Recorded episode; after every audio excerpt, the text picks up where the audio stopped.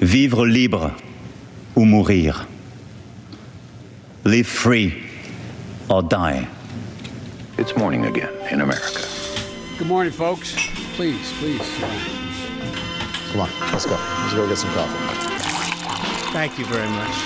Det er torsdag 26. april, og morgenkaffen fra amerikanskpolitikk.no er servert. Rudy Giuliani, tidligere borgermester av New York, som er Don Trumps nye personlige advokat, har hatt en samtale med Robert Mueller, denne spesialetterforskeren som leder Russland-etterforskningen. Bakgrunnen for samtalen var eh, diskusjonen rundt om Trump skal la seg intervjue av Mueller eller ikke. Giuliano Giuliani videreformidlet da Trump og andre i administrasjonens motstand mot et slikt eh, intervju. Men allikevel, det er på glid, og Giuliani har satt seg som mål å få en slutt på denne etterforskningen.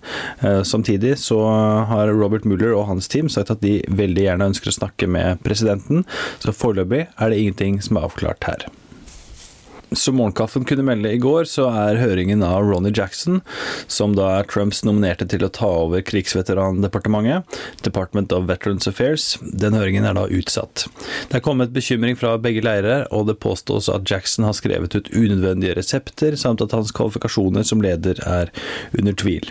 Det har også kommet opp um, anklager om fyllekjøring. Likevel uttrykker Det hvite hus pressesekretær Sarah Huckabee Sanders støtte til Jackson. Under onsdagens daglige pressekonferanse i Det hvite hus så handlet spørsmålene stort sett om Jackson, og her sa Sanders at Jackson allerede har vært gjennom en ganske tøff prosess med FBI, i tillegg til at tre uavhengige etterforskninger har sett nærmere på Jackson. Eh, kommentarene er signaler som i alle fall indikerer at Det hvite hus eh, støtter Jackson, men samtidig så meldes det om at republikansk støtte til eh, Jackson er nedadgående i eh, Kongressen. Det er da Politico som rapporterer om dette, eh, og det skrives at det må nesten skje noe mirakuløst her for at Jackson skal klare å snu dette. Så det de ønsker å se der, og samtidig så rapporterer CNN at Det hvite hus forbereder seg på at Jackson trekker sitt kandidatur. Så det kan jo være at denne rosen og støtten til Jackson er noe de holder gående Eh, i påvente av at han trekker seg, og så kan det komme til å endre seg dersom han ikke trekker seg. Frankrikes president Emmanuel Macron advarte på onsdag Kongressen med å følge det han kalte en fair and anger-politikk. Macron er jo i USA på et offisielt statsbesøk med president Donald Trump som vertskap.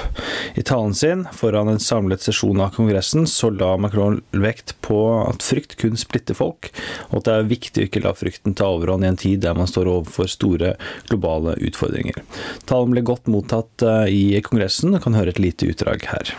I believe in building a better future for our children, which requires offering them a planet that is still habitable in 25 years. Dagens utgave av Målkampen er servert av Anders Høymyr og undertegnede Aret Overflaten. Du leser mer om disse og andre saker på amerikanskpolitikk.no. Hyggelig du hører på, og så snakkes vi i morgen.